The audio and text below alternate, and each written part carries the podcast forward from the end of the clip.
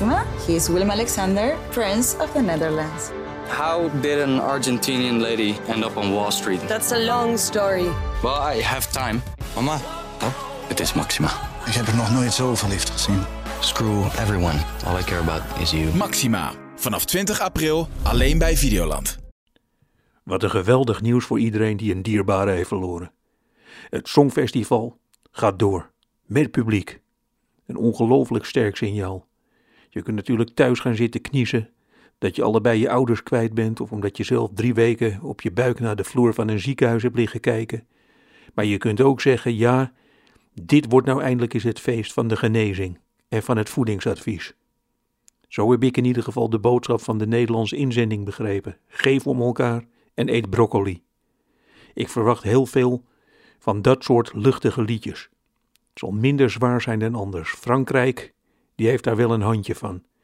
Daar had je net naar de inzending van Tsjetsjenië zitten kijken, een lied over de liefde tussen vrouw en vrouw, gezongen door zes mannen met een vark op hun rug.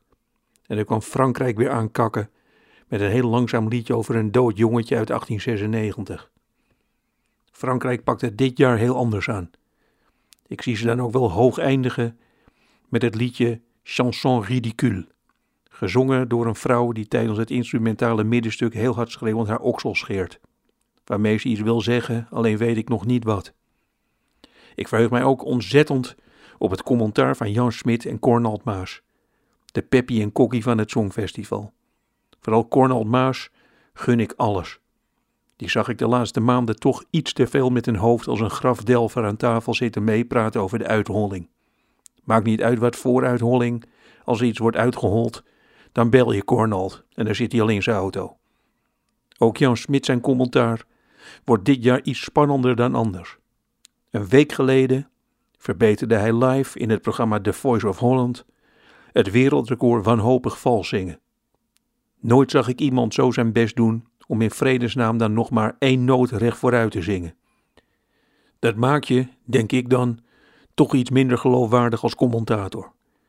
Het kan nu zomaar gebeuren dat Roemenië het lied Kligak Kligak, rijst, rijst, zingt en dat Jan Smit daar iets van moet vinden. Ja mensen, dat was Roemenië met een liedje dat ik heb beleefd als een precisiebombardement. Leuk idee om het te laten zingen door Vladder Snizi, die ook al laatste werd in 1953. Kijk hem eens staan zweten. Hij krijgt nu mond-op-mond bademing. En dan denk je toch als luisteraar, ja Jan Smit, jouw stembandjes die klonken als een verbrand cassettebandje. Maar ik wil toch niet te negatief zijn. Er mag eindelijk weer iets. Laten we het gruwelijke omarmen. Broccoli.